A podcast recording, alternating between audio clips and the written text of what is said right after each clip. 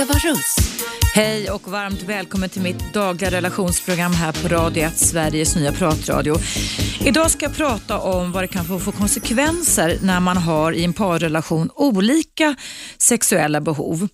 Eh, tänk dig följande scenario. Du är en kvinna, det kan givetvis också vara man också, som äntligen har träffat en person som du känner dig attraherad av efter en viss typ av tid av dating så, och det är romantik och det är blommor och det är vin och så vidare och romantiska middagar så har ni sex med varandra och du upplever att det här är ja, en perfect match.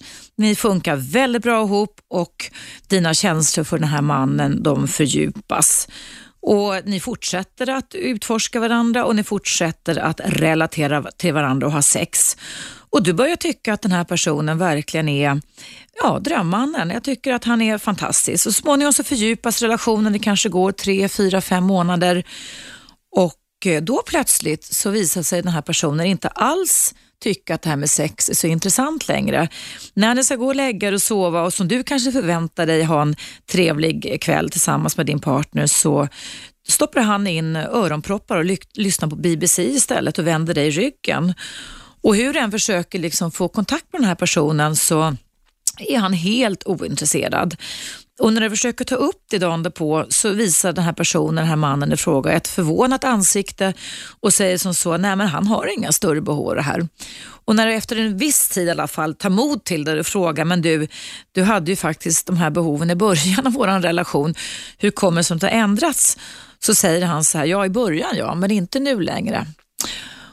Och eh, ja, Det här blir ju någonting som kan kännas väldigt knepigt då. Hur ska man hantera det? Och Faktum är, kära lyssnare, att det här är ett ganska vanligt förekommande beteende kan jag säga det här, nämligen att vi kan använda sex för att relatera till andra människor, för att kunna få en boost för vår självkänsla. Det finns faktiskt idag belägg för att vi kan använda sex och sexuella beteenden på olika sätt.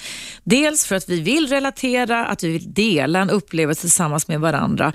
Det vi vill liksom komma nära någon känslomässigt. Men sen kan vi också ha sex för att vi kan känna oss frustrerade, ensamma, oro, rädsla eller för att vi vill bekräfta att vi finns, att vi är. Och Faktum är att väldigt mycket av våra sexuella behov följer faktiskt ganska eh, tydliga mönster sen vi är små. Eh, så kan vi alltså ha behov av sex på olika sätt som kan vara ganska intakta livet ut. Men det som gör det så knepigt men också intressant det är ju det då att när vi träffar en partner som vi tjusas av, som vi förälskas av, som vi blir bländade av så kan vi ibland lägga bort de här gamla mönstren inom oss och liksom bli till en person som vi egentligen kanske inte är.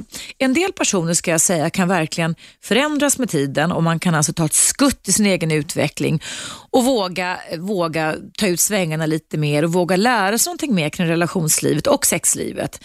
Men det är faktiskt så att många människor emellanåt kan alltså bli väldigt förändrade i förälskelsefasen men sen när relationen går in i det man kallar för den här gamla vanan när man ska lunka på och allting kanske inte är lika hett och häftigt längre så kan de gamla mönstren som säger då att jag är egentligen inte så intresserad av sex eller den andra kanske då som säger jag är jätteintresserad av sex komma fram. Och det kan leda då till ganska svåra relationsproblem. Jag tycker generellt sett att vi människor emellanåt är alldeles för behovsinriktade idag. Att sexlivet emellanåt har blivit till en otrolig överdrift så att vi säger att har vi inget sex så har vi ingen relation. Det tycker jag är bullshit. Däremot så vet jag, det har du säkert hört mig säga många gånger i det här programmet, så att att hålla igång sexlivet med allt vad det innebär. Att relatera till varandra, att bry sig om varandra, att lyssna på varandra, att prata med varandra, att hålla om varandra, att hålla varandra i handen, att ligga nära varandra en kväll utan att man behöver ha pang på sex, utan att bara vara nära varandra visar i all erfarenhet och all forskning är mycket, mycket mer värt än bara av att riva av ett samlag. Och jag ska läsa upp ett eh, mejl som jag har fått och jag vill säga till dig som lyssnar att det går alldeles utmärkt att mejla in till mig under programmets gång. Gå in på vår Facebook-sida eller också så går du in och mejla till Eva radio 1, alltså en etta, snabela gmail.com. Men du kan också ringa in hit eftersom det här är Sveriges nya pratradio och numret hit är 0200 11 12 13. Så mejla in eller ring in så kan vi ha ett, eh, en diskussion lite kring det här. Men jag ska läsa upp ett mejl jag fått ifrån någon som heter Henning. Jag har en bra relation i de flesta aspekter vad beträffar, vad beträffar närhet i dialog och kontakt. Och Jag kan ta upp ämnen jag störs av och jag är för att även då relationen är bra så känner jag att sexlivet bromsas upp av min partner och när jag tar upp ämnet så hävdar hon att lusten inte alltid är på topp. Lusten för min partners del gäller två gånger per månad, ibland som bäst tre gånger per månad och det tycker jag är för lite. Det är alltså Henning, mannen som tycker det är för lite. När hon hade mens sist över en helg så skulle vi ses och jag sa då att vi, ses, vi ses till helgen men hänvisade då till att vi inte kunde ha samlag på grund av mens. Alltså hon gjorde det. Jag svarade att det ingalunda var problem för jag var glad bara att få se henne och vara, nä vara nära henne, vilket jag då sa. Till svar så fick jag, är det så? Ja, jag, fattar. jag underströk att mitt intresse av att ses var stort och att sex inte spelar någon roll då hon hade mens. Undrar om du kan om du kan i programmet ta upp bitarna då en relation är bra, men att det är störande då ena parten bromsar upp sexet medvetet eller omedvetet. Sexlusten varierar naturligtvis mellan oss då, men alltid är på topp medan hon inte har någon regelbunden lust. Tacksam om du på något sätt kan ta upp det som ett generellt exempel och jag kan ringa in om ämnet kommer att tas upp med dig. Varmaste hälsningar med ett galet tokbra program och du är fantastisk på att få till det man tänker ord. Varmaste hälsningar Henning. Okej, tack snälla Henning. Ja, det Henning säger då det, jag vet, förstår inte riktigt, jag tror kanske att ni inte är ni bor inte ihop, ni kanske är särbos, men spelar ju egentligen ingen roll.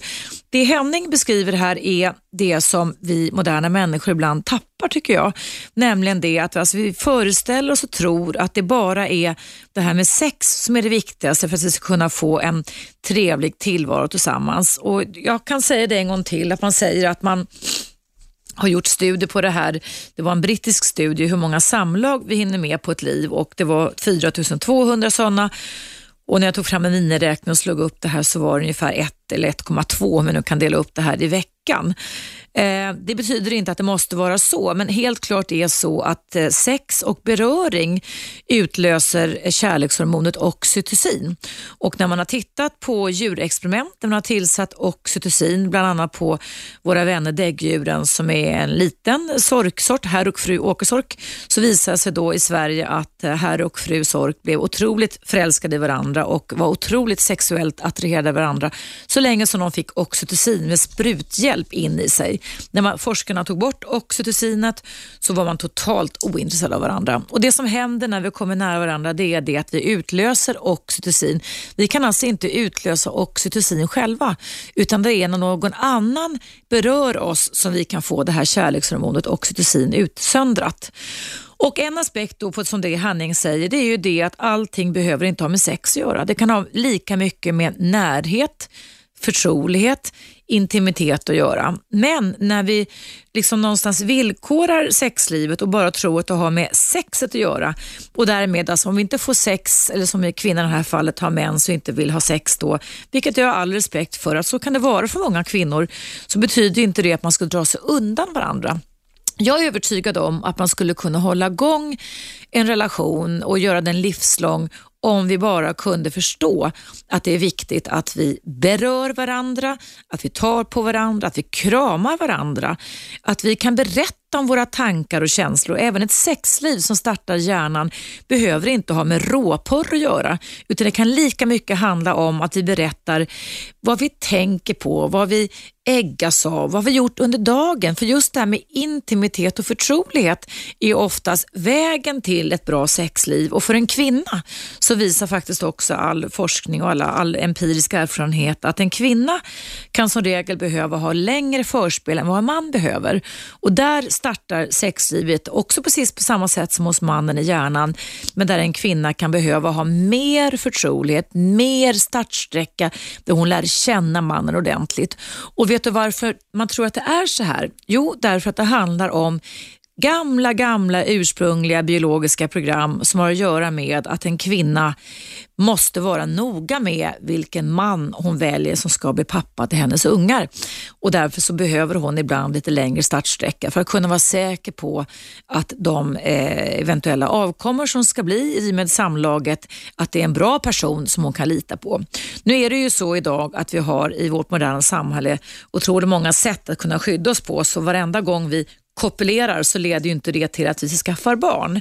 Men det kan faktiskt också vara så att vi fortfarande kan ha vissa sådana här äh, aspekter inom oss själva som gör att vi måste ta lite mer hänsyn till hur vi ska kunna hantera oss själva.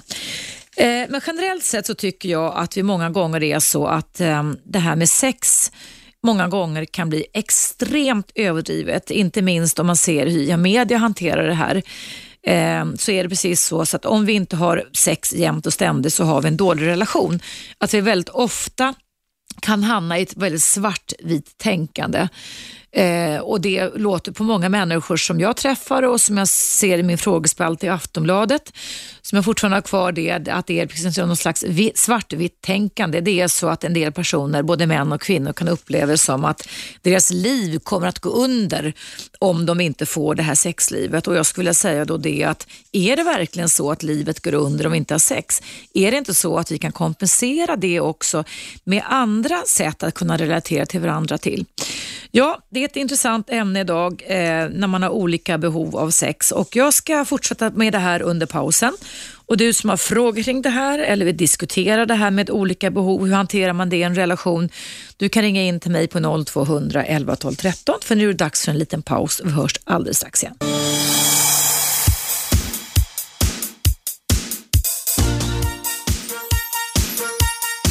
Radio 1. Eva Russ. Hej och välkommen tillbaka. Ämnet idag är om vi har olika behov av sex, hur löser man det inom en parrelation? Och eh, numret hit är 0200 11 12 13 och du kan ringa in under programmets gång. Ja, nu ska vi se. Hallå, vem är där? Ja, det är Olle. Hej Olle! Hej Olle, ja, just det. Det ligger mycket i det den här killen sa och det här med att inte få gå på restauranger och, och så. För jag känner samma sak med den här flickan nämligen. Mm, vi kan väl berätta att du och jag börjar bli gamla bekanta med varandra. Att du har ja. Träffat en kvinna för något år sedan som var 20 år yngre än dig. Ja. Och som du blev väldigt, väldigt förtjust i och som ja. du sen har försökt relatera till. Men hon har visat dig lite kalla handen och liksom någonstans sagt att hon inte vill ha det. Och då har jag uppmanat dig att skriva ett brev till henne om det är så att du har ärliga avsikter att du vill träffa henne som vän. Ja. Och det, uh, nu ser jag här på min monitor att det står att du har skickat brevet, Olle. Stämmer det? Mm. Hörru du, det låter ju jättespännande. Har du lust att hänga kvar? För vi måste ta lite nyheter nu och berätta vad du skrev ja, i ditt brev. Då. Ja? Jag ringer från kontantkort så det kanske tar slut. Åh, oh, vad synd. Ja, det var ja, tokigt, men vi måste ta nyheter nu. Så vi, vi chansar, ja. annars får du ringa igen i sådana fall. Okej, okay, ja, då hörs vi alldeles strax igen. Hej! Ja, kära lyssnare. Idag så hamnar ämnet om olika behov av sex. Alltså vad får det för konsekvenser i en relationsbalans och vad gör man när man har, eh, i början så är allting perfekt och sen så småningom så märker man att man glider ifrån varandra där den ena har väldigt starka behov av sex och den andra inte alls har det. Alltså man är sval och någon är het. Eh, det är ett ganska vanligt problem faktiskt och hur kan man hantera och lösa det? Numret hit är 0200 11 12 13. Du kan gå in på min, eller Radio Facebook-sida och mejla mig under programmets gång och du kan ringa hit som sagt 0200 11 12 13. Du kan också mejla till Eva Radio och sen en etta snabelaggmail.com. Eh, efter pausen ska vi höra vad Olle har skrivit till den här kvinnan som han blev så bländad av för drygt ett år sedan. Han har skickat ett brev till henne, ska vi höra hur det gick. Men vi hörs alldeles strax igen.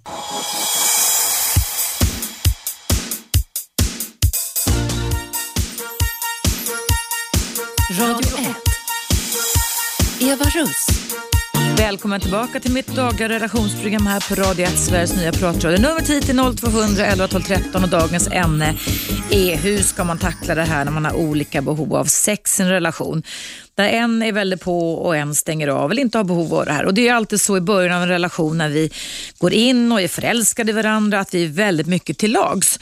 Och Det är inte ett dugg konstigt, så funkar vi människor rent psykobiologiskt. Men sen när allting coolar ner sig lite så finns det en risk för att en del personer kanske tog i lite extra som på ett sätt som kanske inte var de själva.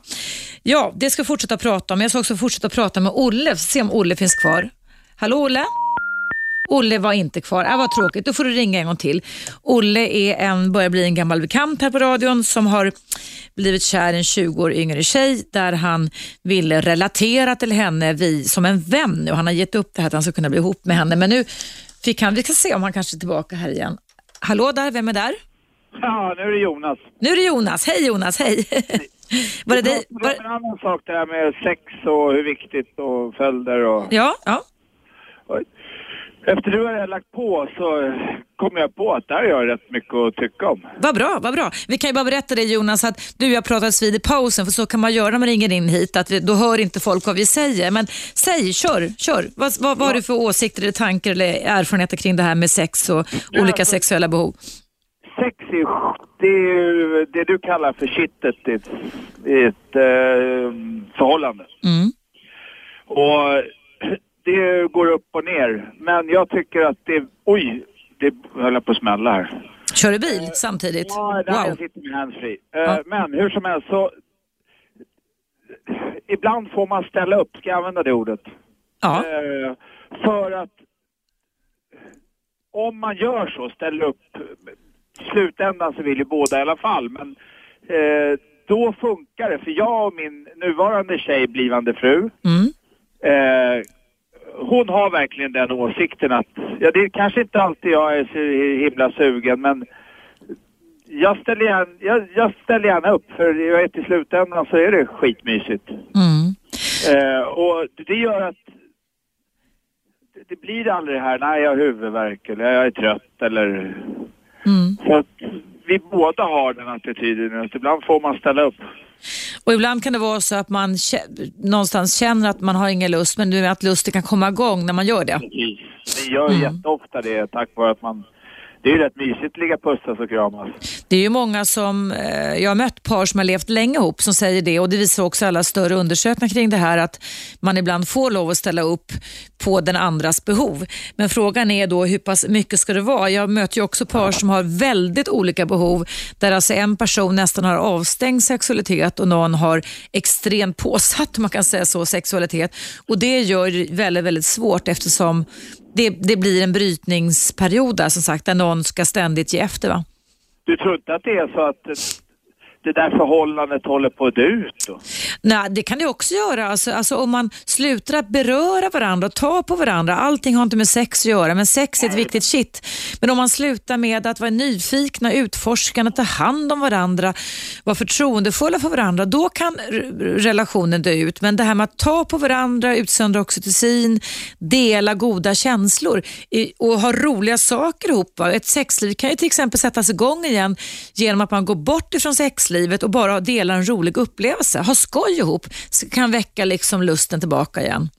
Självklart, men mm. det, vad jag menar är att eh, då har man glömt att hålla varandra vid, vid ja, liv. det är många som gör det. Det är många som glömmer bort att hålla kärlekslivet vid liv och det är viktigt att man gör om man ska leva länge ihop i alla fall. Ja, stackars människor. Ja, så kan det vara. Det, vi måste lära oss av varandra. Men du, tack så mycket Jonas för dina åsikter. Tack för ditt bidrag. He hej då. Hej.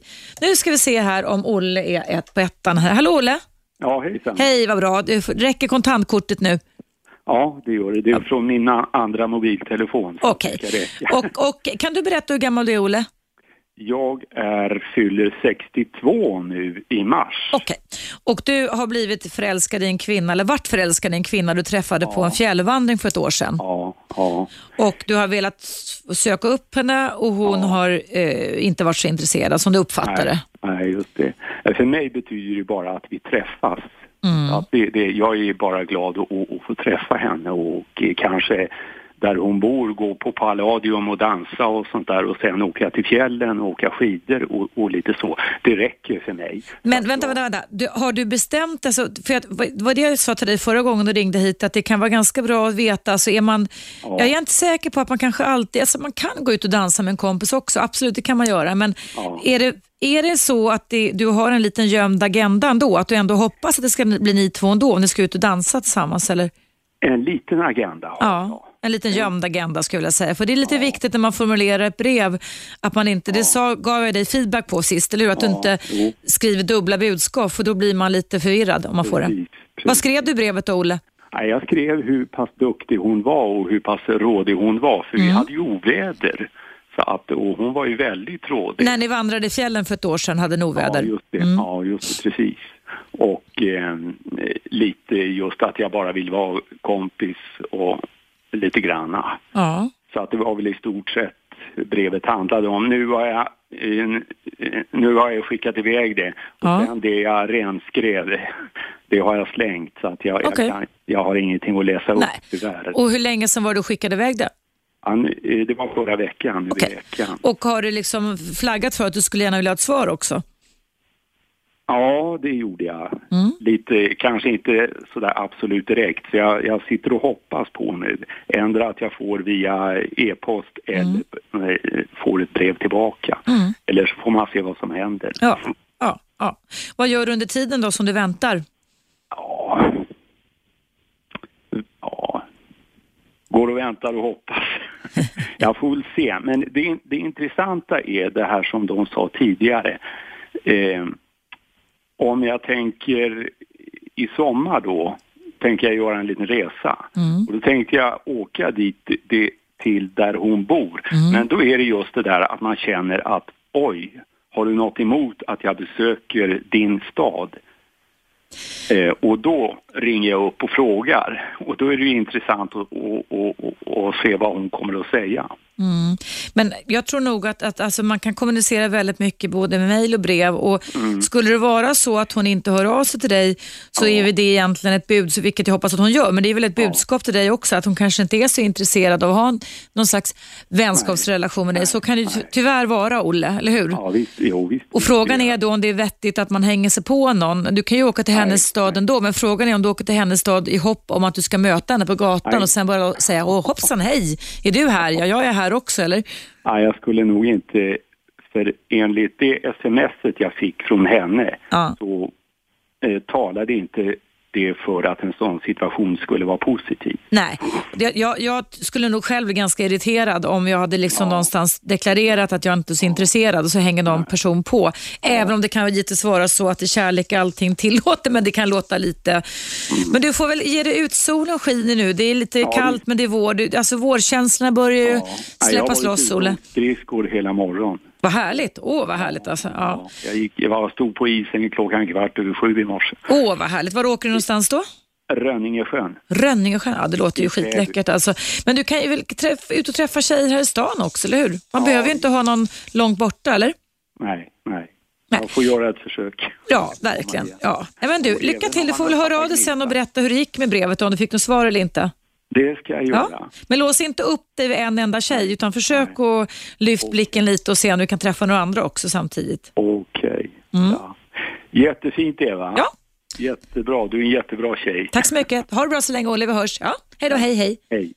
Ja, det var alltså Olle som ringde in. Vi får se hur det går. Men som sagt, idag så handlar ämnet idag om olika behov av sex. Och faktum är, förstår du, att det är så här att vi kan ju ha sex av olika skäl. Eh, om man tittar rent bakåt i tiden, jag är väldigt intresserad av vad som formar våra beteenden, så kan vi alltså ha sex dels för att vi vill uppleva någonting positivt, trevligt, alltså njuta tillsammans. För det var det som vi upptäckte för många hundratusen år sedan, att det var ganska trevligt, inte bara att vi skaffade ungar ihop. Men sen kan vi också ha eh, beteenden som har med sex att göra som kan vara ganska själviska.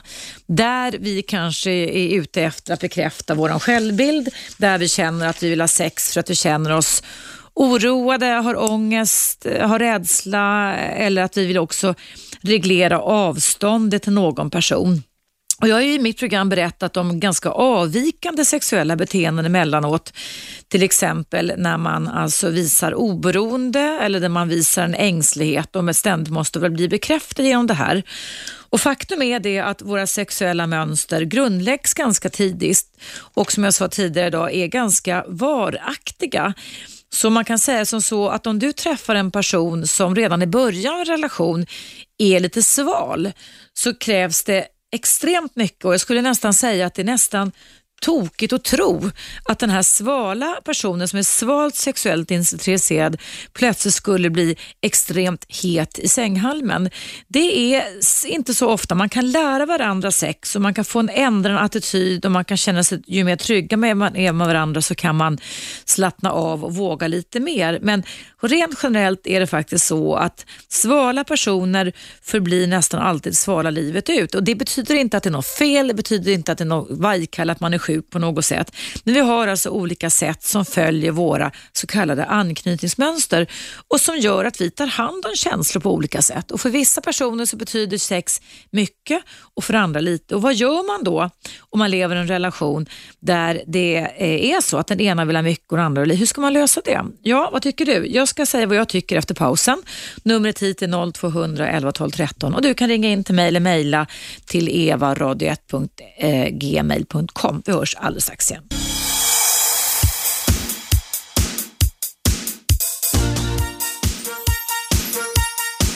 Radio 1. Eva Russ. Varmt välkommen tillbaka till mitt dagliga relationsprogram här på Radio 1, Sveriges nya pratradio. Dagens ämne handlar om olika behov av sex i en relation. Hur ska man tackla det när åren går? Och, eller rättare sagt, åren behöver inte gå utan det kan vara så att man ganska snabbt upptäcker att den här personen som var man upplevde som var väldigt het egentligen är ganska sval.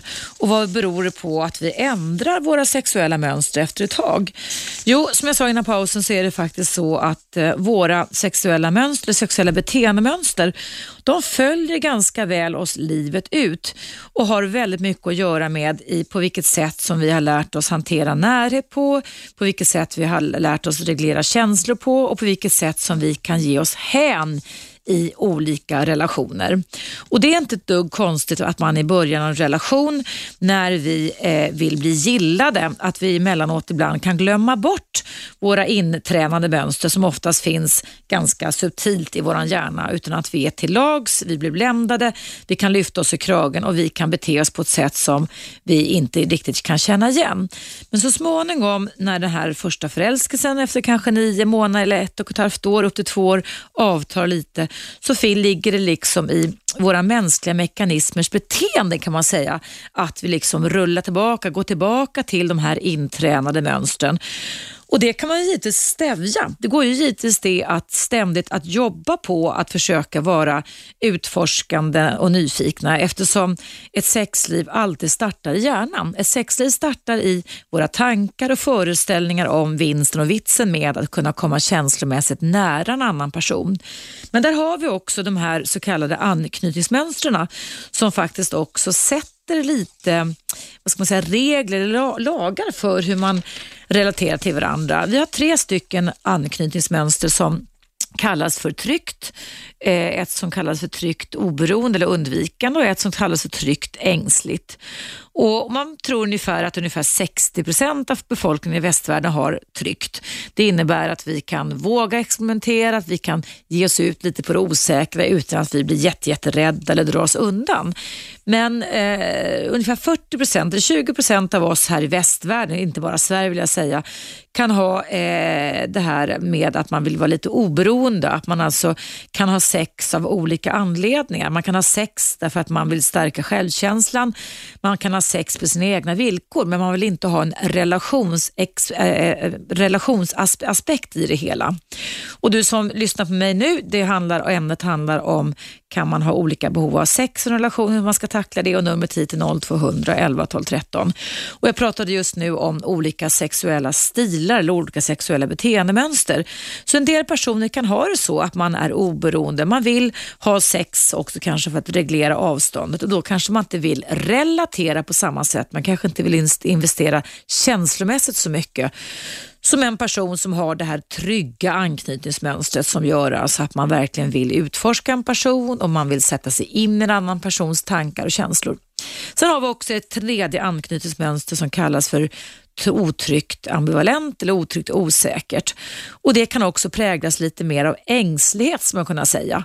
Det innebär att personer som har det här kan alltså eh, använda sexlivet för att just då när man känner sig rädda, har ångest eller oroliga så måste de dyka upp och bli bekräftade. Men sen när de blivit det så kan de dra sig undan med och det kan ibland leda till att man som person eller partner kan uppleva liksom att det är ganska ryckigt det hela. Det stora problemet som jag har märkt när jag möter par som, som har problem med sexlivet, det är just det här att man efter några år märker att den ena är sval och den andra är het. Och att man då försöker hitta eh, olika strategier för att man ska kunna eh, finna, finna någon slags glädje i där man möts hälften hälften. Och är det då möjligt att man kan göra det? Ja, jag skulle säga att det handlar fortfarande väldigt mycket om om de båda parterna som har olika sexuella behov förstår vinsten och vitsen med, det är lite beprövade ord här i radion, så man kan förstå varför man ska göra det. Om man har präglats på att tycka att det här med närhet och sex och känslomässig investering inte är så viktigt, så kan det vara ganska svårt att övertyga en person om att du kan vinna någonting på att få det. Precis på samma sätt som om det gäller en person som ständigt har fått sina behov bekräftade och som ständigt eh, sätter, sätter sina sexuella behov som någon slags mätbarhet kring kring i att det är mitt värde, mitt egenvärde bekräftas av detta, måste då kanske lära sig att kanske stanna upp ibland och eh, relatera till en person på annat sätt. Kan inte heller kanske riktigt förstå vinsten och vitsen med att man ibland får lov att, ge, att hålla tillbaka sina behov, att det inte alltid går att få sina behov mötta jämt och ständigt. Nu ska vi se, nu ringer det här, nu ska vi se vem som finns där. Hallå, välkommen till Eva Russ. Hallå? Hallå? Välkommen till Eva Russ. Nej, där var det någon som försvann. Det var tråkigt det. Du kan ringa in igen. Numret är 0200 11 12 13. Vi ska se här om vi fick in någon igen. Hallå? Hallå? Nej, nu ska vi se. Hallå? Hallå, är det Eva? Ja, hej Lennart. Nu, det var, det var fasiken, knapp, knappen hakade upp sig. Hej, välkommen hej, till mitt program. Lennart. Mm. Jo, det var, en dam som, det var en dam som svarade här innan. Har ni börjat med någon form av sluss då? Vi har börjat med en form av sluss, precis. Mm. Jaha, det, så du släpptes igenom Lennart? Ja, jag blev förvånad. Jag trodde att jag ringt fel. Vet ja, nej, nej. Så att jag hade hamnat eh, på någon okänd adress. Nej, det har du inte gjort. Vad bra. Jo, hörru du, det är intressant ämne det där. Det är ju, alltid har ju människan varit kolossalt intresserad av det sexuella, mm. sex. Och det kan man väl säga, du kanske jag vet inte, du kan bekräfta det, men efter hungerkänslorna är väl sexualdriften den starkaste känslan? Ja, det stämmer. Ja. Kan man väl säga. Käk ja. kommer först och sen kommer moralen som Brecht sa en gång. Ja, just det. Käk, käk kommer först, för vi kan inte ha sex om vi inte har kraft så att säga, Nej, i kroppen. Precis. Jo, visst, jag tänkte på det där. Jo, det där med relationer kan ju vara väldigt komplicerat och, så, och, och jag, jag, jag, om man ser filosofiskt på det så tycker man kan fördela in det där i olika stadier från puberteten då, sen när man kommer upp mer i ungdomsåren så att säga. Mm. Man är väldigt, eh, då, testosteron och sådär börjar svärma över och man är ute för att träffa eh, flickor då. Mm. Och sen kanske man kommer in i mognadsgrad, att man vill ha ett stadigt förhållande och det här med fortplantningsdriften är ju sådan att människorna då tyr sig till varandra för att annars skulle ju släktet dö ut alltså. Mm. Och jag tänker ibland på det där lite så här konstaterande att förr i världen när man läser om gamla fattig-Sverige som man sa förr då på 1800-talet och början på 1900-talet, vilka enorma barnkullar man hade. Mm, 10, 11, 12, 13, 14 ja, barn. Visst, mm. och det var ju enda nöjet man hade. Man hade arbetsdagar som kanske var 16 timmar. Ja. Och, och sen, alltså, så det var ju fruktansvärt. Och preventivmedel var ju samhället motståndare alltså. Man försökte ju stoppa det här med eh, så kallad sanitetsgummi hette det väl på den tiden. Sanitetsgummi? Ja, det fanns ju, det var ju... Hinke Kondom alltså? Ja. Kondomer. Hinke Berggren han pläderade för det och, och alla de här kända eh, författare och, och eh, radikaler då på den tiden att man, och man sålde illegalt till tobaksaffärer. Ja, just det. Alltså, Sanitetsgummin. Ja, visst, kom in och viskade. Får jag köpa ett paket sanitetsgummi? Ja. Och då tittar sig expediten omkring och så snabbt upp med handen och, och la på disken. Va? Mm, mm. Och så ner i fickan då, eller i väskan och så försvinner de. Så att det är ju väldigt... Eh, men det, det är som du säger att i ett förhållande, du har ju tagit upp lite av det där, mm. att, att, att det kan slockna av. Eh. Mm. Att, eh, att man, man måste ändå ha en, en närhet till varandra för att man måste ju bli bekräftad och eh, jag förmodar att hormoner och sånt där kommer ju liksom lite i rörelse då va? Oh ja, absolut, det är det det gör. Och Oxytocin och andra hormoner. människa och så vidare. Och i våran tid tycker jag också samtidigt, hörru du, har ju det, man skulle kunna nästan säga att det är lite översexualiserat idag. Jag tycker det bottnar mycket i, i liksom i allting i massmedia om sex och sex Ja. och sex och det Jag tycker också att det är översexualiserat många gånger. Jag tycker det. För det är Ja. inte bara det som gör oss lyckliga utan det är Nej. relationerna, så att vi knyter an till andra människor som är, går över det här med sex egentligen. Men sex är viktigt Ja, mer. Liksom. Mm. Ja, det var en, en inringare som nämnde om det här med platonisk kärlek. Mm. Och det är ju väldigt viktigt med. Men det kan vara en kombination att man har en sån närhet att man måste ju också, om man älskar någon riktigt, så vill man ju komma i, en, i det intimaste samtalet är ju samlaget vad jag förstår. Mm. Och det är ju väldigt viktigt. Men det upplevs inte bra hos nå- någon av könen, framförallt inte hos kvinnor, om det inte finns ett bra förspel och efterspel Det måste där man har vara, tid. Ja. Det är väldigt viktigt med förspel och så vidare. Att man, det ska ju inte vara så att det är något sånt där maskinellt bara liksom. Nej. Helt sådär känslokallt alltså bara man avvecklar sin eh, sperma eller någonting eller, Mm. och, och så vidare. Bara reser sig upp och går som en jäkla form av robot va. Ja, ja. Det är ju fruktansvärt Ja, det är det. alltså. Ja. Men det, det är klart att men den nutidsmänniskan är väl också, har väl också kommit till insikt om att eh, Ja, är man ständigt ute på, på drift, det är ju många som är ute i, i svängen som jag brukar säga. Mm. Och det, man söker eh, kontakter, snabba kontakter och så vidare. Men jag tror att till slut, om man blir sådär, så, vad, heter det, promiskuös? Pro- promiskuös, alltså att man har frekvent sex extremt mycket har med ångest att göra mycket. Ja. Ja. Dålig självbild. Ja. Då kommer själen liksom bli som ett såll till slut. Va? Då kommer man bli ännu Ja. olyckligare Man- tror jag. Va? Ja, man, lä- man, man, man lägger själen, alltså promiskuitet kan ju vara en nästan sexuell störning kan man säga, alltså där man eh, tror att man bara kan relatera via sitt kön eller via sex. Ja. Och det är synd om människor som hamnar i det, därför att det handlar ofta om en väldigt dålig självkänsla och självbild och man kommunicerar via s- kroppen och lägger, som jag brukar säga, själen på entreprenad. Man delar upp sig själv och det finns många som lider av detta faktiskt, som kan Ja, bli det sexmissbrukare ja, på det sättet. Ja. lidande måste det bli för att till slut så undrar man ju då om någon älskar en riktigt Mm. alltså. Nej, det är oftast, men det är oftast, alla blir inte promiskuösa utan det har ju Nej, det lite vill med självbild och självkänsla att göra Det och ank- anknytningsmönster, hur man har formats rent känslomässigt som man var liten. Absolut, det har ju med Mm. mycket sådana faktorer som spelar roll i, i, det, i det fallet. Mm. Du Lennart, eh, jag uppskattar jättemycket dina åsikter. Nu måste vi ta en liten paus som Ja, det alltid är här på Radio 1. så Jag förstår det, hör du. Eh, Och, eh, men jag ska fortsätta att lyssna Ja, nu. trevligt, jättegulligt. Tack för att du ringde in. Tack själv, Ha det du. jättebra. Ha det så bra, Eva. Ja, detsamma. Hej, Hej då, hej, hej, hej. hej. Ja, kära lyssnare, ämnet idag handlar om olika sexuella behov. Är det så att allting ska gå via sexlivet? Och hur gör man för att kunna hantera det här om man upptäcker efter ett tag att den ena är sval och den andra varandra väldigt het? Ska man ge upp varandra då eller är det så att man kan kompromissa? Ja, vad tycker du? Numret hit är 0200 11 12 13. Nu är det dags för nyheter och vi hörs alldeles strax igen.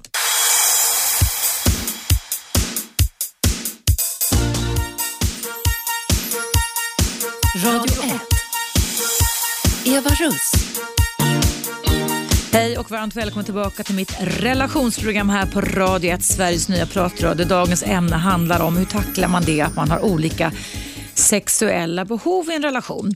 Jag tycker rent personligen att eh, eh, det här med eh, ett sexliv som ständigt ska vara villkorat, eh, där man ständigt mäter relationskvaliteten i antal samlag och frekventa samlag. Det tycker jag är löjligt. Jag tycker att det handlar faktiskt inte om det och jag undrar ibland lite vart vi moderna människor är på väg när det är en sån extrem sexfixering. Sexlivet finns till både för att vi ska kunna reproducera oss men också därför att vi ska kunna komma nära varandra och kunna knyta an. Och idag så finns det många människor som använder sig av knapplöst sex, alltså att man vill inte anknytningslöst sex och det är en del människor som passar för det. Det har väldigt mycket också med ens behov i livet att göra, att man vill inte knyta an medan andra människor, för de allra flesta människor, så är det också det att man vill knyta an. Men man kan lik förbaskat ändå ha, eh, ha olika typer av behov. Jag ska läsa upp ett mejl här ifrån en man som har skrivit så här. Jag är en man i 40-årsåldern och har en flickvän sedan åtta år tillbaka. Vi har ett bra liv som familj med våra två barn, goda vänner, bra jobb. Men vi har knappt inget sexliv längre. Barnen är sex och sju år och stör inte sängkammaren på något sätt utan det är min tjej som blivit, hur ska jag uttrycka det, nästan iskall. Nu tycker hon att vi ska boka in en tid i veckan då vi kan ha sex så hon slipper känna krav andra kvällar. Jag upplever inte att jag ställer krav, jag vill ju bara vara med min flickvän. Det förekommer inte särskilt mycket kramar eller spontana pussar heller längre. Har hon en annan eller tänder hon bara inte på mig längre? Känner mig ensam trots att vi är två och eh, signaturen är en undrande man. Ja, då skulle jag vilja säga till dig en undrande man som så då att eh, eh, man kan ju tappa lusten, man kan få minska lust av en mängd olika anledningar och där tycker jag att det är läge för dig och din kvinna att ni pratar, du utforskar lite, du tar reda på lite mer istället för att gå igång och föreställa dig det mest katastrofala, att hon ska träffa någon annan. För både en kvinna men också för en man så kan man vara stress. Stress kan strypa det här. Eh, oro, alltså oroande tankar kan göra att man tappar lusten av olika anledningar. Eller att du och hon kanske inte har så mycket om du ursäktar uttrycket, attraktiva eller sexiga beteenden gentemot varandra. Hur klär ni er? Hur relaterar ni till varandra? Hur mycket visar ni varandra uppskattning under dagen? Eh, jag har mött par som har det här nästan att varannan gång, att man ska bjuda upp varandra till sex varannan gång. Och Som du säger nu med det så vill hon boka in en tid i veckan veckan då hon ska ha sex. Hon slipper känna krav andra kvällar. Och Då frågar jag dig, en undrande man, hur tror du att det kommer bli rent upplevelsemässigt? Tror du verkligen då att om en kvinna som känner att hon måste och bör ha sex kommer finna det njutningsfullt? Och jag kan svara nej, jag tror faktiskt inte Jag tror inte att det är någon vits att boka in någonting, utan lusten startar, sexlivet startar hos både män och kvinnor i hjärnan. Det handlar om attraktiva beteenden, det handlar om att se vinsten och mitsen och kunna se alltså i våra förväntningar kring att ha sex, att det ska ge mig någonting utöver det vanliga livet som jag har när jag inte har sex. Så jag tycker att, eh, att ha sex när man bokar in kan möjligtvis funka om din partner kan i sin tanke eh, dagdrömma under dagen innan ni ska ha sex på kvällen som då är bokat och liksom tänka på när ni en gång hade det bra tillsammans. Tänka på dina älskvärda och älskbara sidor så att hon kan alltså få fram en slags tändning i hjärnan. För hos kvinnor aningen mer än män så tänder, så tänder vi lite hjärna men vi är också mer beroende av ett förspel många gånger. Sen kan vi inte generalisera, men det är i alla fall vad jag vill generalisera just nu. Eh, men alltså inställningen till sexet, det är hennes förväntan till sex som behöver förändras. Vad är det hos henne som har gjort att det har blivit ett måste och ett borde? Och jag kan lova dig att måsten och borden stryper sexlusten. En man till exempel kan inte få erektion om han måste och bör ha sex. Det är därför det många gånger kan vara svårt att våldta en man. Därför att om man inte vill så går det liksom inte. Och Det är samma sak med kvinnliga orgasmer. Att om man inte ser vitsen och vinsten och inte hjärnan är med på det så, man, så händer det faktiskt ingenting heller. Så jag tycker att du, en undrande man, ska prata med din fru eller din flickvän om det här och fråga då hur hon tänker kring det här. Om hon har tyckt att det var bra förut. Eh, vad är det hon behöver? Vad är det som skulle behövas? För när hon har stängt av, du skriver att hon är nästan iskall, så kan det finnas massa olika anledningar. Det kan också vara andra behov, som att man är till exempel besviken, eller frustrerad eller förbannad. Det kan finnas massa olika behov som gör att sexbehoven inte liksom släpps fram. Så börja prata. Börja prata utan att skuldbelägga. Börja prata för att lära dig lite mer om hur ni fungerar tillsammans. För det är nog så viktigt. Och kanske ni ska skaffa barnvakt. Ni kanske ska börja en annan ände. Det kanske är så att ni ska gå ut och ha en romantisk kväll utan att det sen för den skullen ska betalas med pang på rödbetan när man kommer hem. Det kanske är så att ni ska investera i kvalitetstid när barnen ändå är 6 och 7 år gamla och ha roligt ihop, göra någonting skoj skoj så att ni får tillbaka den här goda känslan. För det går inte att ha ett bra sexliv om inte känslan finns med. Det är mitt svar till dig, en undrande man. Tack för att du mejlade in. Nu ska vi se här, nu har vi en lyssnare på tråden. Hallå där! Hej! Hej, vem är där? Det är Daniel. Hejsan Daniel, hej! Tja, hörru, jag vill bara först och främst säga att du är hur grym som helst. Jag lyssnar på ditt program varje dag. Nej men vad gulligt, tack så mycket. Ja, men ibland känns det bara när jag lyssnar, det känns lite som folk lyssnar på vad du säger, för du har så rätt i så mycket av det du säger alltså. För det är ju verkligen så att Man måste, man måste kunna lära sig och anpassa sig efter varandras behov, absolut. Men du kan ju aldrig tvinga någon att göra Nej. någonting som den inte vill. Nej. Och jag förstår ju självklart folk när det är som du säger under de första ett åren eller efter upp till två år. Att när man är nykär, det är ju ingenting man heller vill. Att personen i fråga ska vara lika kär i en som man är kär i den. Mm. Men man måste ju ändå få visa hur du är som person. Är du sval i sängen och att du inte vill ha så mycket sex med den personen så tycker jag verkligen man måste verkligen framhäva det direkt. Det är väl självklart att man anpassar sig efter sin partner Ja. rätt mycket i början just för att det ska kännas bra men det, det, i slutändan så visar det sig alltid hur du är som person. Ja. Det kommer bara straffa sig i längden. Så det bästa man kan göra är att bara man försöker visa sig själv om man står i sängen och jag vet inte, lika viktigt som det ska vara så lika oviktigt ska det vara. Är det någon gång när man inte orkar eller när man inte så får man bara acceptera läget att så är Ja, det bara. och det behöver ju inte vara någon stor grej. Alltså, vi människor gör det till en sån jäkla stor grej. Men det som är problemet är att vi hamnar i lite allt eller in ett så svartvitt tänkande tycker jag. Att om vi inte har sex, nej då ska vi inte ens ligga sked och krama varandra. Alltså, vi kan faktiskt ha ett sexliv utan att ha sex. Förstår du? Alltså, vi kan ligga och vara nära varandra och förtroliga. Det kan ge många gånger samma effekt på parrelationen, kvalitetsaspekt och ömhet och närhetsaspekt. Va? Verkligen, verkligen. Alltså, jag känner, det, var, som ett, det var ett samtal här tidigare där han Mm. sa att man, man får, ibland får, när man är trött så får man offra sig för att det blir ändå bra till slut. Men om det är så att min partner inte skulle orka en kväll, det gör mig verkligen Mm. Nej, ingenting. Alltså. nej.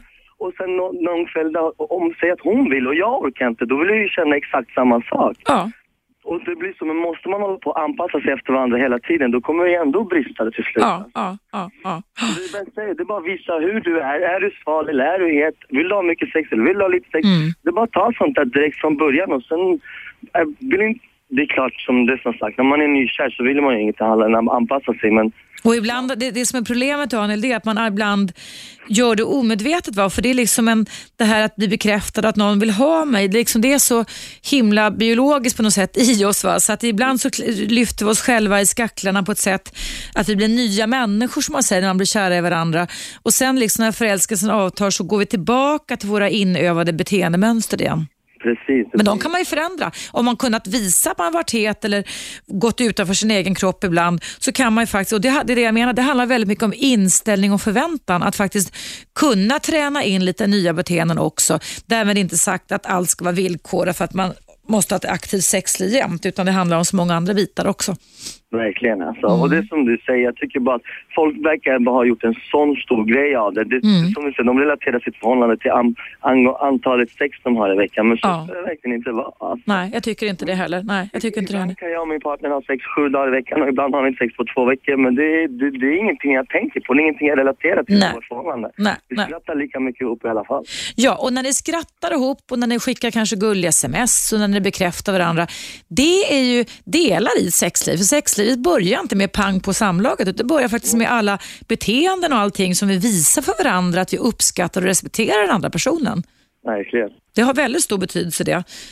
Men vad bra Daniel, vad kul att du lyssnar på mig så ofta och jag tackar så väldigt mycket för återkopplingen. Absolut, tack så hemskt Vad gulligt av dig. Tack för att du lyssnade på mig. Nu måste vi ta en liten paus igen som vi gör här på radiot. Hej då, ha det bra. Hej hej. Ja, kära lyssnare, det är dags för en liten paus igen och idag är dagens ämne i mitt dagliga relationsprogram här på Radio 1, olika behov av sex. Hur ska vi tackla det inom befintliga relationer? Jag tackar alla ni som ringer in och även Daniel som ringde in här nu som hade väldigt många kloka åsikter kring det här. Numret är 0200 11 12 13. Du kan gå in och mejla på Eva Radio 1, alltså Eva Radio och sen en etta, snabelagmail.com eller gå in på vår hemsida på Facebook eller på webben www.radio1.se. Vi hörs alldeles strax igen.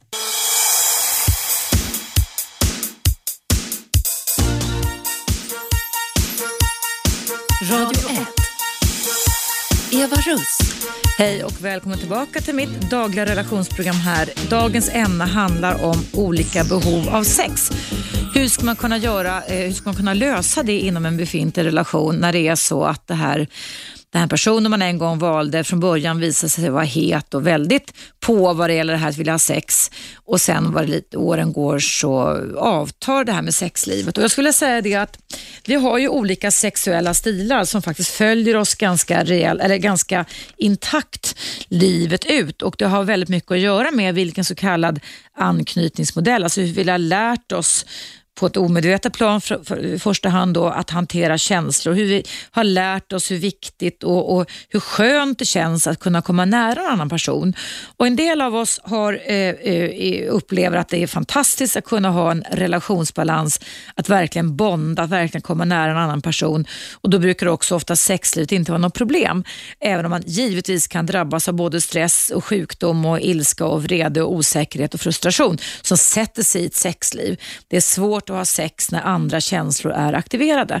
Men sen finns det också många människor, och det är inget fel, det är ingen psykiatrisk sjukdom, som har lärt sig att hantera sex på ett annat sätt. Där man alltså reglerar avståndet, där man söker en sexpartner i stunder av när man känner sig ledsen och, och, och osedd och obekräftad och där man ens eh, förväntningar och tankar och känslor drar igång och kan skapa oerhört ovillkorliga och eh, hemska scenarier som gör att man anser att får jag inte sex och allting åt skogen. Och det är ju så i ett mångårigt sexliv att det här med sexliv kan komma och gå.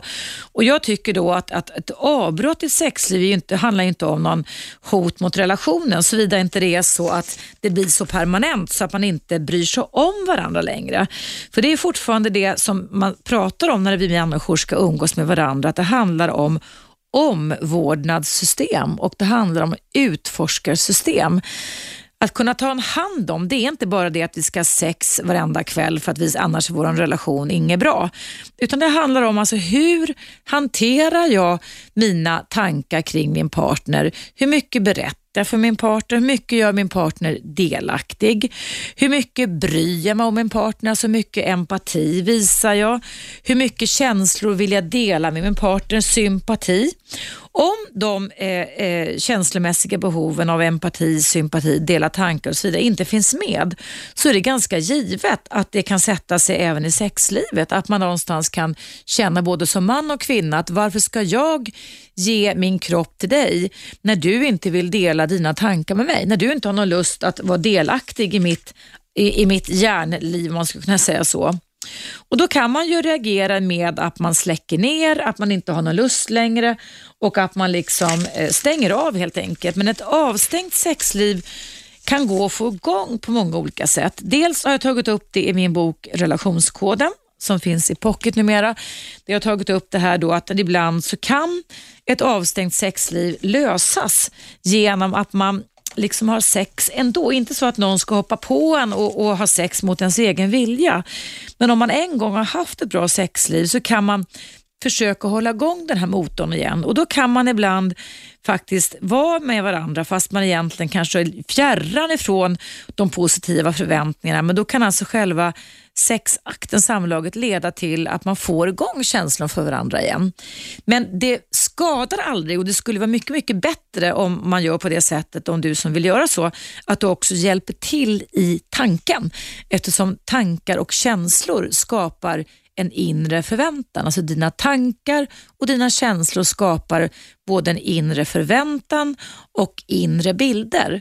Och är det så givetvis att du tänker nej för guds skull, det här är inget kul, då kan du ju tänka ut vad det är för känsla som kopplas ihop med det här eftersom tankar och känslor smittar varandra. Så det gäller väldigt mycket om det här att kunna skapa en positiv förväntan. Att tänka igenom lite så här, vänta, vänta, vänta nu, varför ska jag ha sex med min partner? Hur har jag tyckt om det förut? Har jag tyckt att det var bra? När tyckte jag att det i sådana fall var bra? Kan jag liksom dagdrömma lite om på den tiden när det gav sig och när vi hade det jättefint ihop? Kan jag tänka på min partner ur någon slags sexig aspekt? Kan jag prata med min partner, kanske ska våga säga och få upp på ytan det att jag finner inte dig så sexig. Jag tycker att vi slafsar i oss maten. Jag tycker att vi går och kliar oss i näsan eller släpper oss mycket. Alltså har beteenden som inte alltid är så sexiga.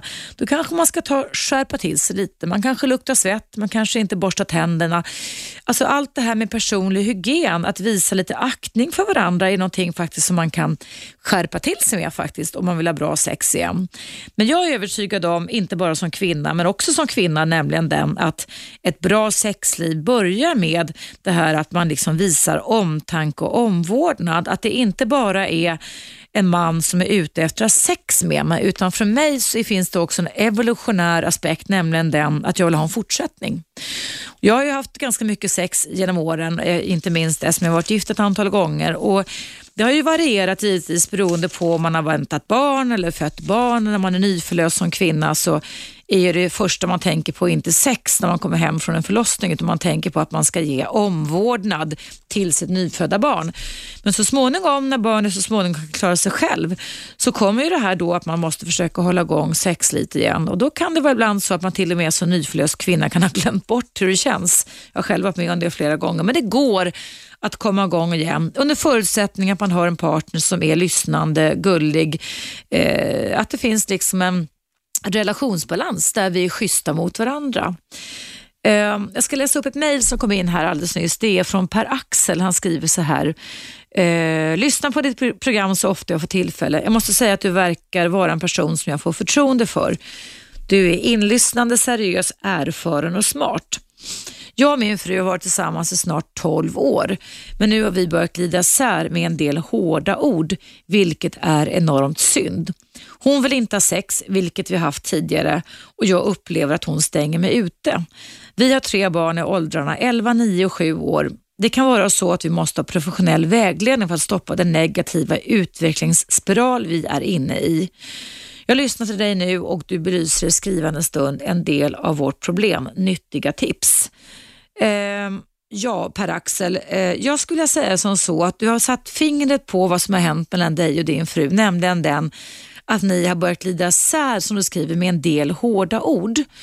Och hur glider man då isär med en del hårda ord? Jag skulle säga då att det här är precis vad som kan hända inom idrotten. Jag har ju jobbat inom idrotten under 80-90-talen med eh, utvecklingen var på nationell nivå åt 17 landslag. Och där pratar man ibland om tankekultur och tankesmitta.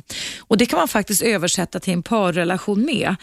Att om det är så att man ständigt går och förstärker negativa beseenden, typiskt dig, det här klarar du inte av, och börjar be be bekräfta allting som är dåligt, då kan man alltså vips skapa en negativ tankekultur som sen smittar av sig och gör att nästan allting som man ser på sin partner på genom dagen går genom ett filter där det är negativa förtecken. Negativa bekräftelser skapar en negativ tank, ond tankecirkel och eftersom tankar och känslor hänger ihop och de skapar vilka förväntningar vi har så är det svårt att tänka positivt och ha goda förväntningar om en partner om man har börjat identifiera hårda ord och börjat bekräfta de här sakerna tidigare. Och Då är det inte så konstigt Per-Axel att din frus eller era beteenden blir så att som du skriver, att hon stänger dig ute. Det är en som man kallar för en försvarsmekanism. Att jag, din fru säger till dig att jag vill inte komma nära dig för jag tycker att när vi kommer nära varandra så är vi så dumma mot varandra. Alltså låtsas jag om att jag är oberoende av dig. Men det här är bara en, just nu per axel, en försvarsmekanism som jag tror att ni faktiskt skulle kunna bryta själva också. Det är bra att man vill söka professionell hjälp och det finns många proffs där ute som kan hjälpa till. Men eh, förutom att du skriver till mig, mejla här, så kan du ju läsa böcker kring det här. Min egen bok Relationskoden, jag säger inte att den är bäst av allting, men jag säger att den kan ge lite tips på traven att försöka aktivera sex olika koder för att kunna få en bättre relation. Börja med, tycker jag, med att eh, tala om vad är det för känslomässiga behov ni saknar. För det visar sig oftast när par börjar hamna i så här lite hårdhudade diskussioner och bekräftar varandra negativt, där beteendena blir så att man drar sig undan, att man känner sig frustrerad. Vad är du Per-Axel och din fru frustrerad över? Vad behöver hon? Vad är det hon behöver? Ha en behovsdiskussion. För det är väldigt ofta som det är de känslomässiga delarna som ställer till bekymmer, men som får uttryck på andra sätt. Och jag ska berätta mer om det här eh, efter pausen som kommer nu. Det är nyheter på Radio 1, Sveriges nya pratradio och numret du kan ringa är 0200 11 12 13 och du lyssnar på mig, Eva Russ, som har mitt dagliga relationsprogram här på Radio 1. 0200 11 12 13 och vi hörs alldeles strax igen.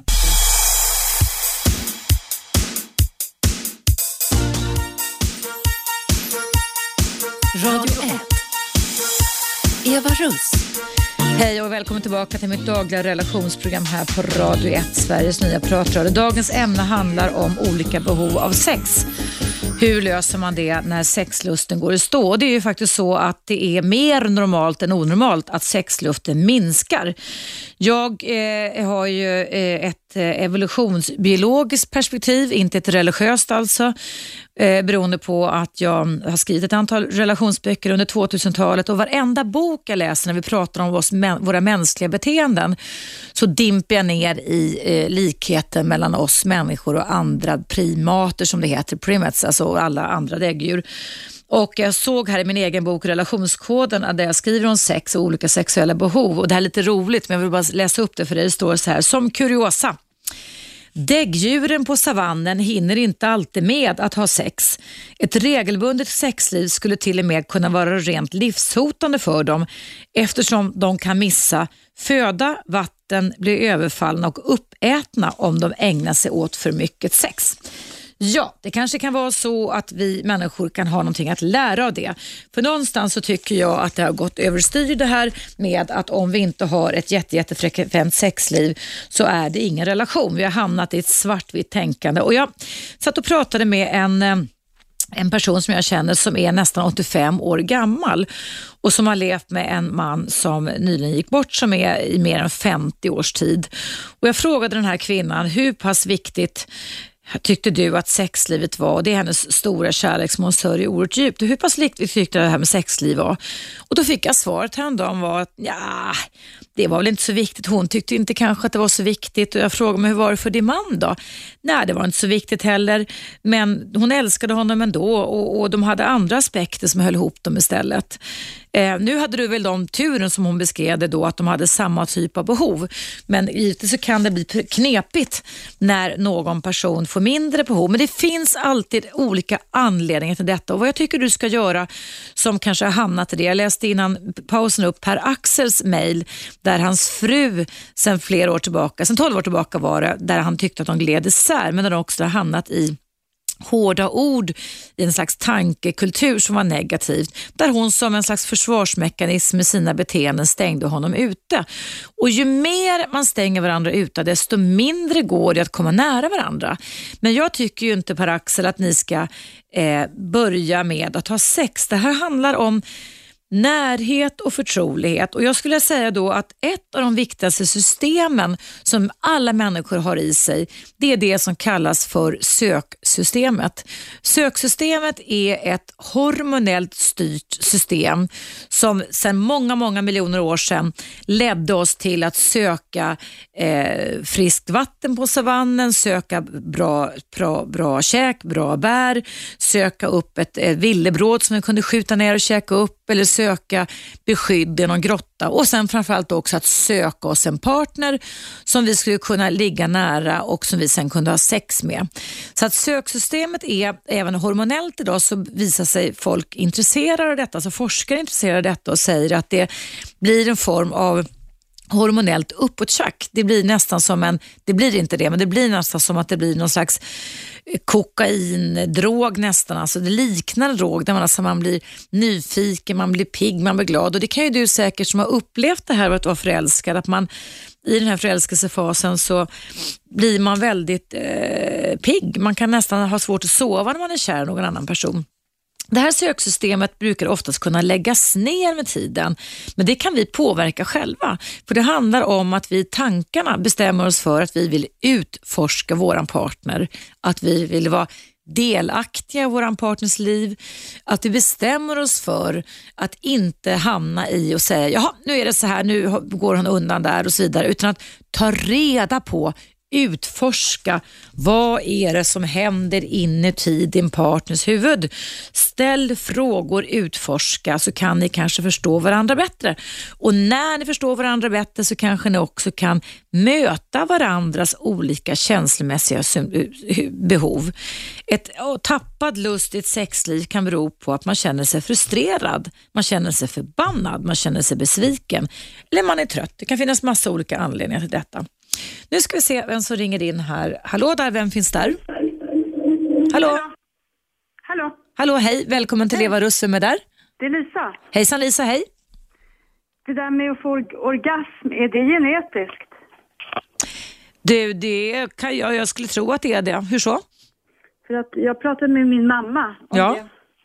Och hon verkar inte ha fått det. Men jag, så har jag andra vänner som alltid får det och deras, deras mammor har alltid fått det. Mm, det här, jag skulle tro, jag kan, törs inte svara, jag är inte sexolog, men att det handlar om det som jag sagt tidigare idag i programmet, att det handlar väldigt mycket om vilken form av känslomässig process som vi kan göra till oss själva, att kunna våga gå in i en annan kropp eller ge, ge oss hän. Så att säga. Människor har olika grader av det här i sig och det är inget, det ena är inte mer fel eller någonting sånt där, men, men det, sånt kan spela viss roll i alla fall.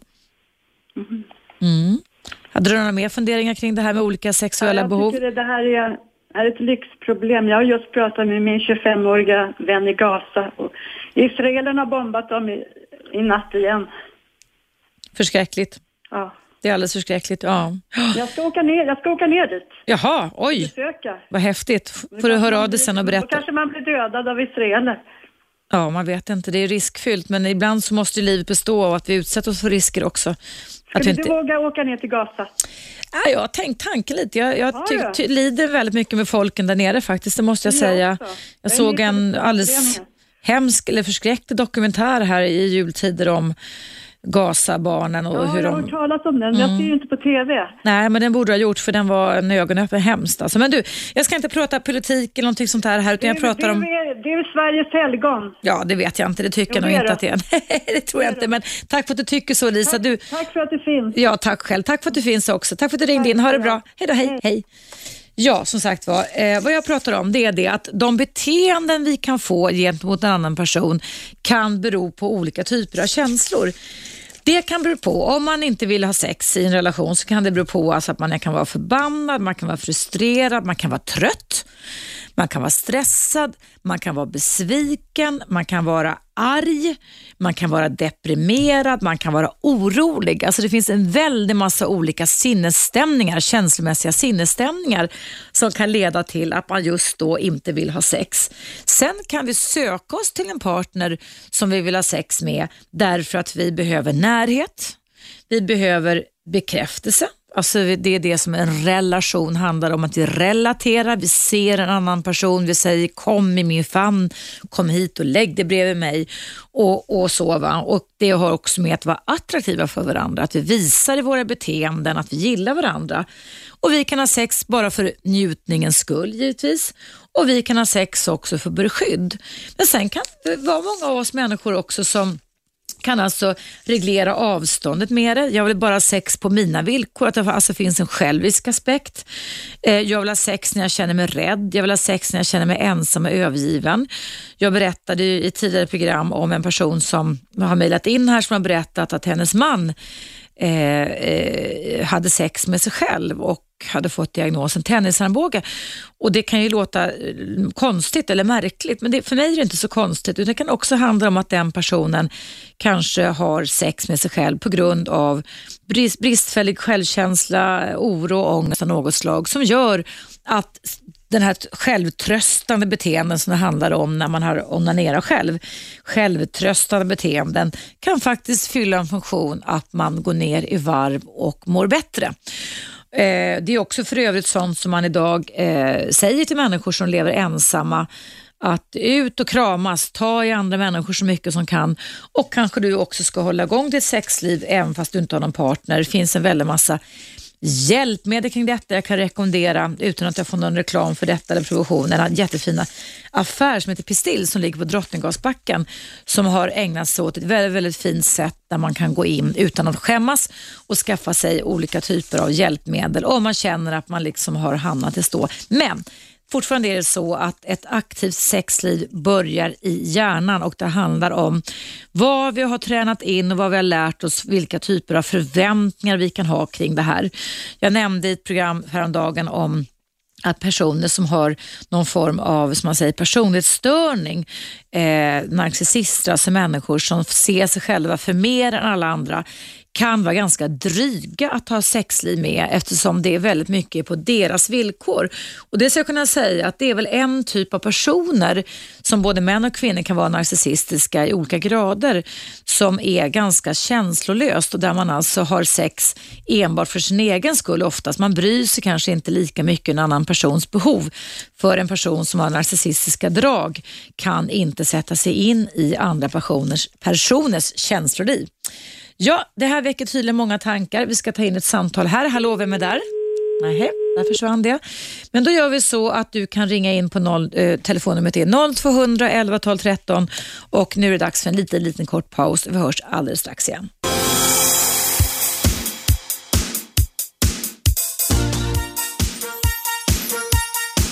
Radio 1. Eva Russ. Varmt välkommen tillbaka till mitt relationsprogram som börjar lida mot sitt slut. Men det är fortfarande inte för sent att ringa in till mig på 0200 11 12 13 eller mejla och gå in på vår Facebook-sida eller på vår webbsida www. Eh, dagens ämne handlar om olika sexuella behov. Kan man, få, kan man leva tillsammans med en person där det efter ett tag visar sig att vi fungerar helt olika? Ja, säger jag, det kan man faktiskt göra, men då krävs det faktiskt lite arbete från båda parterna. Det är inte så att det ska handla om att någon ska vinna, någon ska förlora. Utan det här handlar faktiskt om att, eh, att, att vi får lov att kalibrera in och eh, jobba lite med oss själva, både tankemässigt och beteendemässigt.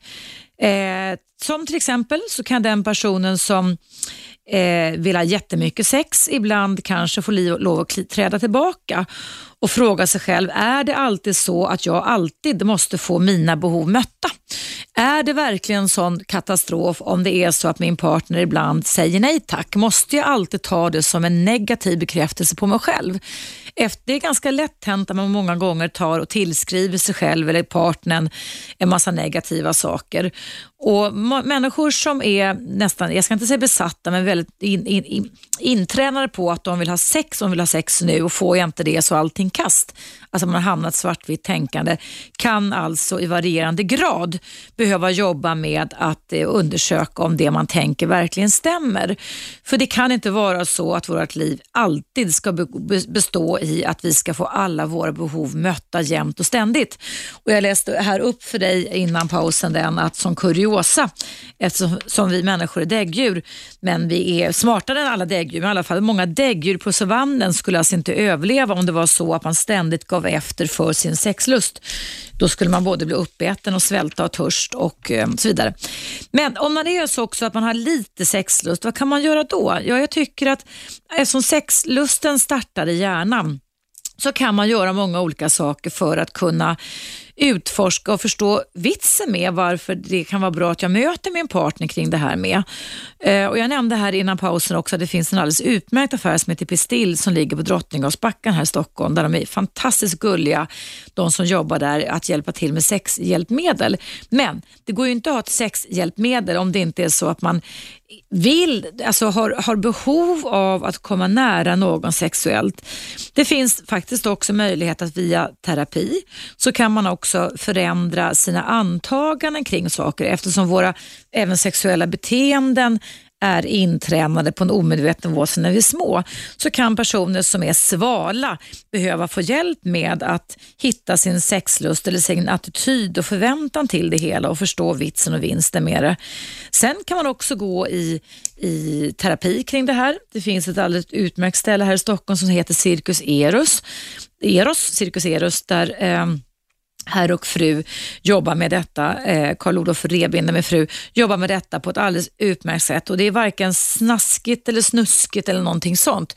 Utan tvärtom så har jag skickat faktiskt klienter dit genom åren som har bemötts på ett väldigt värdigt och respektfullt sätt. Där man har fått hemövningar, där man har kunnat få jobba med att försöka hitta sin sexuella G-punkter det nu kan vara och försöka hitta lusten tillbaka kring det här igen. Men som sagt var, Sammanfattningsvis så anser jag att det hela tiden handlar om en relationsexpert och relationer, att relatera till varandra, det innebär att vi står i förbindelse till varandra.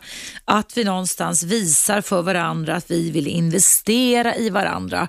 Och är det så, att det, som det ibland kan vara eller bli, att en person bara är ute efter sex och ingenting annat och man själv är inte med på noten utan man själv är ute efter någonting annat så kan det ibland bli en obalans i en relation. Men, men sex kan också användas för att reglera avståndet. Har man glidit isär en relation så kan det vara en icebreaker, alltså en isbrytare. Att utan att man snackar så mycket kring det så har man sex i alla fall och sen tar man vid i vilken känslomässig modell, modell man hamnar i sen i sådana fall. Så att man kan ibland tjäna på att tänka mindre och handla mer. Sen kan man göra tvärtom också. Man kan nämligen tänka mer och handla mindre. Att man alltså börjar skapa sig dagdrömmar, eh, försöker hitta lusten tillbaka till varandra genom att tänka på hur det en gång var. Att man tänker på älskliga och älskbara situationer som man har haft med sin älskling kan också promota sexlusten eftersom den startar i hjärnan. Men man kan också tjäna på att se över sina beteenden. Hur relaterar vi till varandra? Hur gör vi när vi vill förstå varandra bättre? Och Jag är övertygad om att för både män och kvinnor så är ett sexliv en produkt. av, Det är alltså summan av hur vi relaterar och hur vi investerar i varandra. Om jag känner att min partner inte investerar så mycket i mig, inte bryr sig så mycket, inte så intresserad via det här söksystemet, tar reda på hur jag mår, vad jag känner. Ja, då är det självklart så att då kan jag någonstans hamna i den här tanken att varför ska jag varför ska jag ställa upp och vara sexig för honom när han ändå inte vill, vill ta del av allting som berör mig? Och Det är där vi människor behöver lära oss att uttrycka våra eh, känslomässiga behov. Vad behöver jag i stunden? Vad skulle jag behöva att du gjorde? Det kan handla om att lyssna, det kan handla om att vara delaktig, det kan handla om att tala om känslor, att dela känslor. Det kan handla om att jag kan få en kram när jag känner mig nere. Det kan handla om att du, jag vill att du ska stanna hos mig och lyssna och vara problemlösare tillsammans med mig. Det kan handla om att jag kan ha ett behov av att bara ligga på din arm och känna att jag får vara det. Inte så att jag bara för att jag ligger på din arm så pang på så måste jag ställa upp på sex. Vi kan ha olika långa startsträckor eller korta startsträckor för, till det här med sexliv. Men ska vi leva tillsammans i en längre parrelation så måste vi behöva kommunicera kring detta och det är inte skämmigt och det är inte dumt. Men det blir tokigt när vi som Per-Axel skrev in här börjar hamna i hårda ord och som vi oftast kan göra att vi kan anklaga varandra för vad vi inte får istället för att uttrycka vad vi behöver. För håll med om det, kära lyssnare, att det kan bli en väldig skillnad. Ta det en gång till. Att, ut, att anklaga varandra för vi, vad vi inte får istället för, vilket jag tycker är bättre då, att uttrycka vad vi behöver. Det kan göra en väldigt, väldigt stor skillnad i ett sexliv. Men också att du ger akt på att inte hamna i ett svartvitt tänkande där allting ska vara villkorat. Att får jag inte det här så allting kast. Det är alltså en vanlig tankefälla som många par hamnar i och den utgår oftast, den typen av tankefällor utgår oftast ifrån hur man är som person eller hur man har tränat sig till att kunna tänka och där kan jag ge det goda budskapet till dig som lyssnar och lyssnat idag att det går att tänka om. Och Det är aldrig för sent att lösa ett problem, att stoppa en dålig tanke. Min erfarenhet sedan att jobba med människor mer än 30 års tid är att allting går att förändra. Det handlar väldigt mycket om vilka förväntningar vi har till olika saker och ting.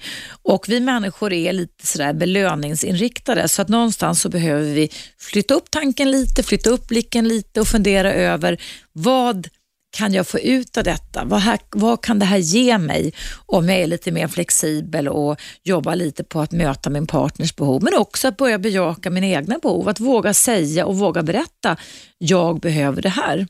Och i ett långt relationsliv så kan man ju ha olika behov som är olika viktiga, som alltså viktas på olika sätt under ett helt liv.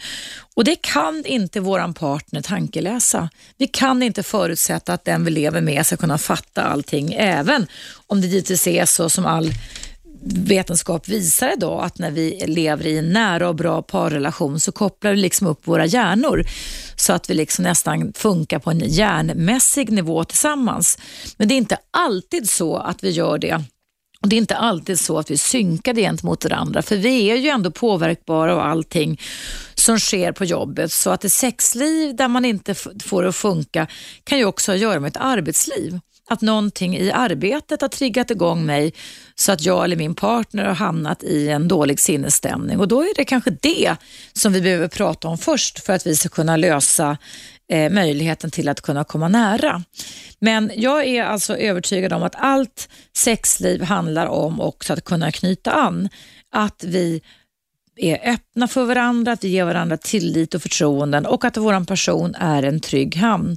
Och att vi har möjlighet till att kunna till att kunna ehm, eh, känna att vi kan ligga nära varandra och att mina tankar och känslor är viktiga för en annan person. Det är jag övertygad om är det som är liksom själva början till att kunna få ett sexliv att kunna fungera. Ja, och nu är det dags att byta ämne för nu kommer Johan Kindmark in här i studion. Hej Johan! Hejsan! Vad ska du prata om i sportvärlden som kommer alldeles strax efter mig här? Idag blir det väldigt mycket summering av eh, helgen. Det har ju som vanligt varit en fullspäckad eh, sporthelg mm. med väldigt, väldigt mycket, mycket fotboll i fokus. Eh, toppmöte i Italien, Liverpool vann ligacupen och sen så blir det även lite NHL-hockey Ikväll är det trading deadline, som det så fint heter. Man kan byta spelare med varandra i NHL, men den, eh, man får inte göra det efter klockan nio ikväll.